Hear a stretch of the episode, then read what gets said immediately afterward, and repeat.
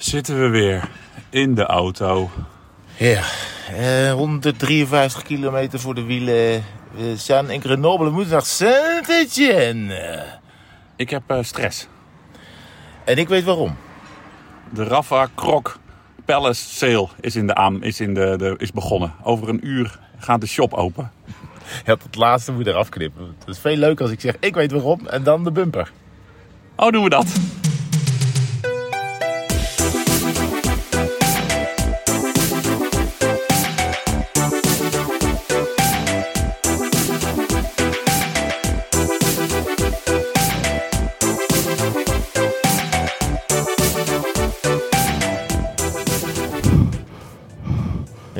Want er ligt hier een, eh, een telefoon en die is aan het aftellen. 38 minutes, 35 seconds. En er staat er nog meer. RCC EU TDF 22. Nou, het is maar goed dat ik mijn hartslagmeter niet eh, om had. Om heb nu, want ik had allemaal eh, PR verbroken, denk ik. Ja, Zo hoge hartslag heb ik nu. Kan ook misschien komen omdat ik net een dubbele espresso te veel op heb net op het terras. ja. En het kan ook komen dat ik net bij een Apple winkeltje ben geweest. En daar op prijzen hoorde van, de eh, voor de reparatie van mijn toetsenbord. Zullen we met het belangrijkste beginnen? Ik denk, niet, ik denk dat al die factoren een beetje rekening. eh, dat we met al die factoren een beetje rekening moeten houden. Maar dat er één iets is waardoor je echt een beetje excited bent. Ja. Want op dit moment sta ik dus in de wachtrij voor de verkoop van die crocs. Ik ben heel eerlijk, ik ben al weken op de schooiertour. En ik Ja. probeer ze al Genante af. Op het genante af. Ik probeer ze links of rechts een beetje, soms heel direct soms wat indirect. Wat, eh, heb je de telepeaars trouwens al? We zitten Ja. op de snelweg richting eh Saint-Etienne vanuit de Grenoble. Ja, we Maar- kunnen toch onder die flappen door van de reservé. Ja, maar niet met 100 per uur. Nou, ik probeer het onder. Als de piep komt. Piep, doe maar. Nee, Shit.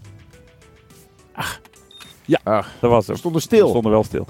Ik probeer het natuurlijk al schooierend een beetje los eh, te weken. Maar voor het zekere, voor het onzekere neem ik ook gewoon een plekje in, eh, in de queue, in de wachtrij. En dan mag je per product ook maar één item kopen. dus je kan niet tien crocs kopen en die allemaal vervolgens aan vriendjes geven. Nee, je mag maar één maat per croc kopen. En je moet lid zijn van de club. En je moet lid zijn van de RCC, de Rafa Cycling Club. Ja, Zieke, zieke. kost ook maar 80 euro per jaar. Ah, man, heb je niks. Ja, Nee, toeg- heb je niks. toegang tot kopen. Ja, toegang tot kopen, ja. Ah, ja slim, ik trap hè? daarin. Ja, dat is heel ik fijn. trap daarin. Ja. Ik geef het toe en I like it. Ehm, Maar dat was nog een andere. Je, bedoel, eh, je, weet, je hebt geen idee wat ze kosten, die crocs. nee, oh. Oh, ja.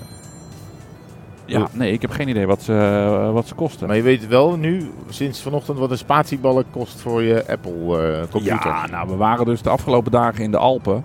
En, en het gaat wel hoor, met een, eh, met een half werkende spatiebalk. Maar we waren dus, dus daar was niet echt een magasin pour pomme om het te, te laten repareren. En ehm, eh, ik maar zet hem even op stil trouwens. Maar ehm, dat geeft verder allemaal niet. En dus ehm, nu waren we in Grenoble. Dus ik dacht, ha, grote stad, we gaan eventjes op zoek. Dus we waren eerst in een, in een Apple winkeltje terechtgekomen. Wat ook een soort... Dit vind je eh, mooi. Wat is het? 4, 4, 4, 4,4 kilometer. Ah, Sorry, ja, op de auto. Oh, Ja. man, we hebben al 4.500 kilometer dus gereden. Te gek. Ja. Eerst kwamen we in een Apple winkeltje, waar je, wat ook een soort tabakswinkel had kunnen zijn. De eigenaar die, eh, was een soort eh, Papa Fubu Piep winkel. En ehm, daar konden ze me niet helpen. En toen moest ik naar een andere winkel. Nou, dat was een hele gelikte, gladde Apple eh, premium reseller, stuff like that. En eh er boog zich een mevrouw over mijn eh, MacBook. En nou ja, wat schetste mijn verbazing? Dat er een compleet nieuwe onderkant van de computer in moest.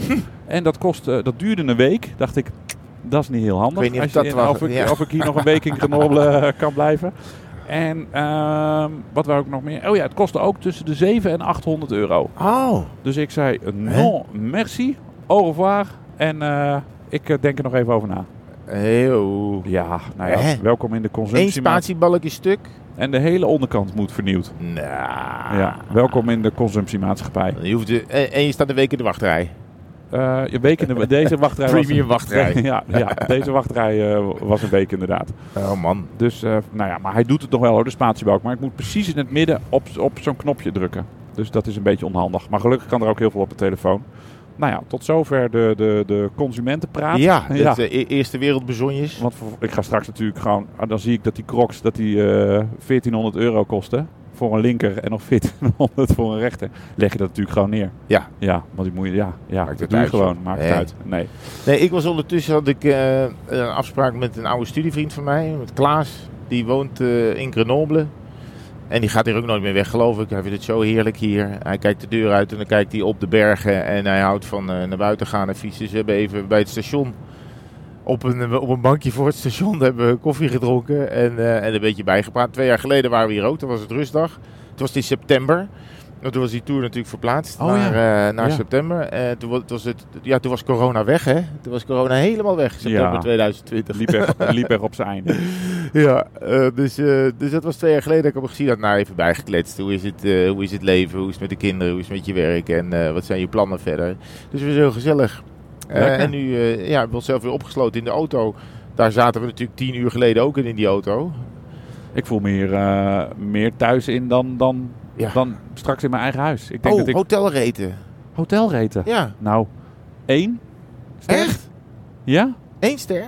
Nou ja, nou ik. Ik weet niet hoe het hoe heet. Het, Eu- Europol. Euro, Europol. Hotel Europol bij Ik- het station. Ik dacht eerst dat we naar het politiebureau moesten van Europol. van, eh, bij het station van Grenoble, Hotel Europol. Nou, Nou, één ja, ster. ik, heb Gewoon, ik ben de kamer opgegaan. Ik heb ook niemand meer iets gezegd. Ik heb twee eh, oordoppen in mijn in mijn erin gedaan. En ik, was, eh, ik werd al pas om zeven uur wakker. Nou, ik vond het wel de allure hebben van een cellenblok in de EBI. Die Eh, Ik heb, kamers. ik heb het niet gericht. Ik heb ook Het niet was- ontbeten daar. Dus het was, was het nou, ontbijt? Matig. Oh. Ja.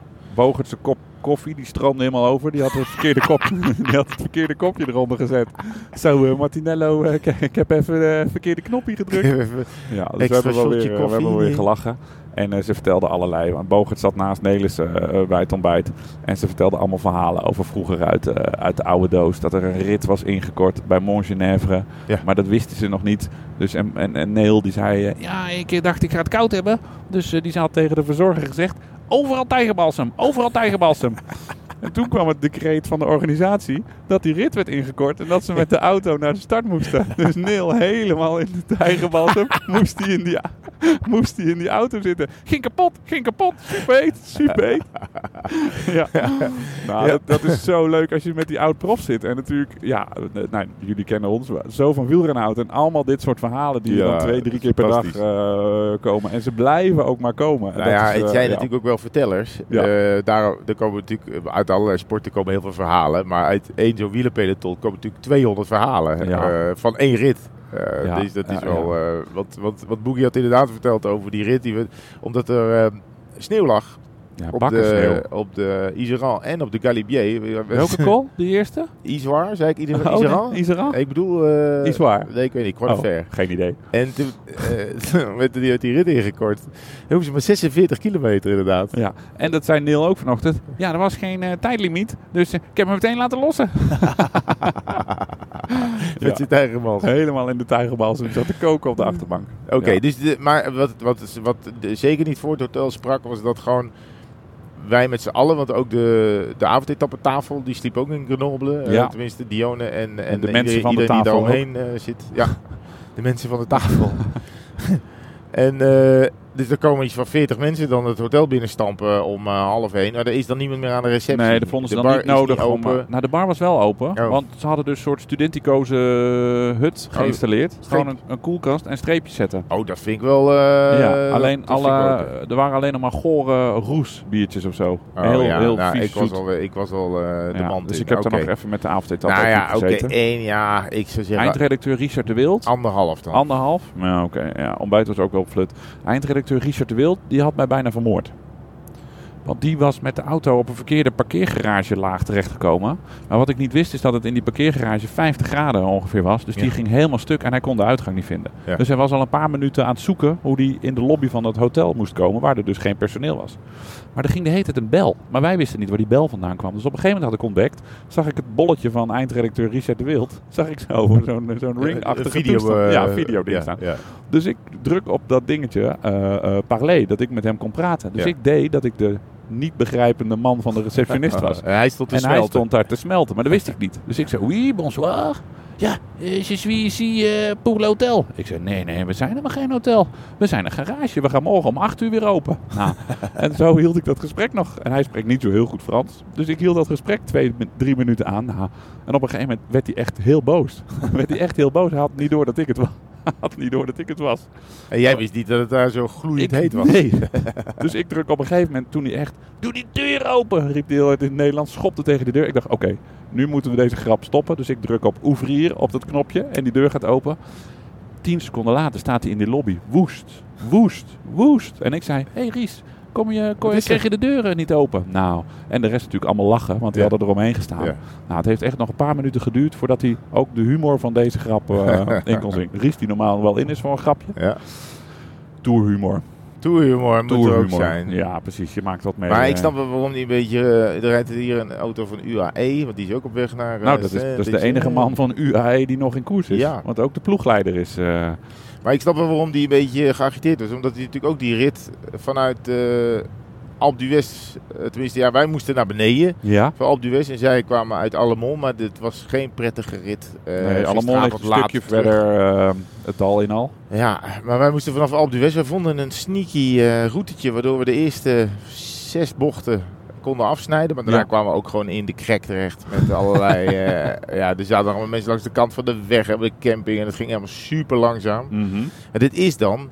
Hoe laat was het? 11 uur s'avonds. Ja. Ja. En dan staat die berg nog... Helemaal vol En met er liggen auto's. ook nog zatlappen in een tentje Ja, op het was 14 asfalt. juli, hè? Dus die moesten, Loopt ja, iemand in zijn blote reet nog, die stapt dan ook dat tentje in. Ja, Einde is- Koningsdag eh, in Nederland. Ja, zo- dat, die allure heeft het wel een beetje. Ja. Maar wel veel schoner. Ik weet niet of ze het al hadden opgeruimd, maar er lag weinig afval meer. Nee, dat klopt. Misschien hadden ze het al opgeruimd. Dat zou ook, dat zou ook, ook Ja, kunnen. nee, dat klopt. En jij moest boven lekker veel op de foto met Nederlandse fans. Ja, allemaal, aardige, allemaal hele aardige beleefde mensen. Soms is het een beetje te veel van het goede. Maar ik zeg, eh, eh, ze vragen dan mag ik een foto maken. Dan zeg ik, nou, als je het maar snel doet. Ja.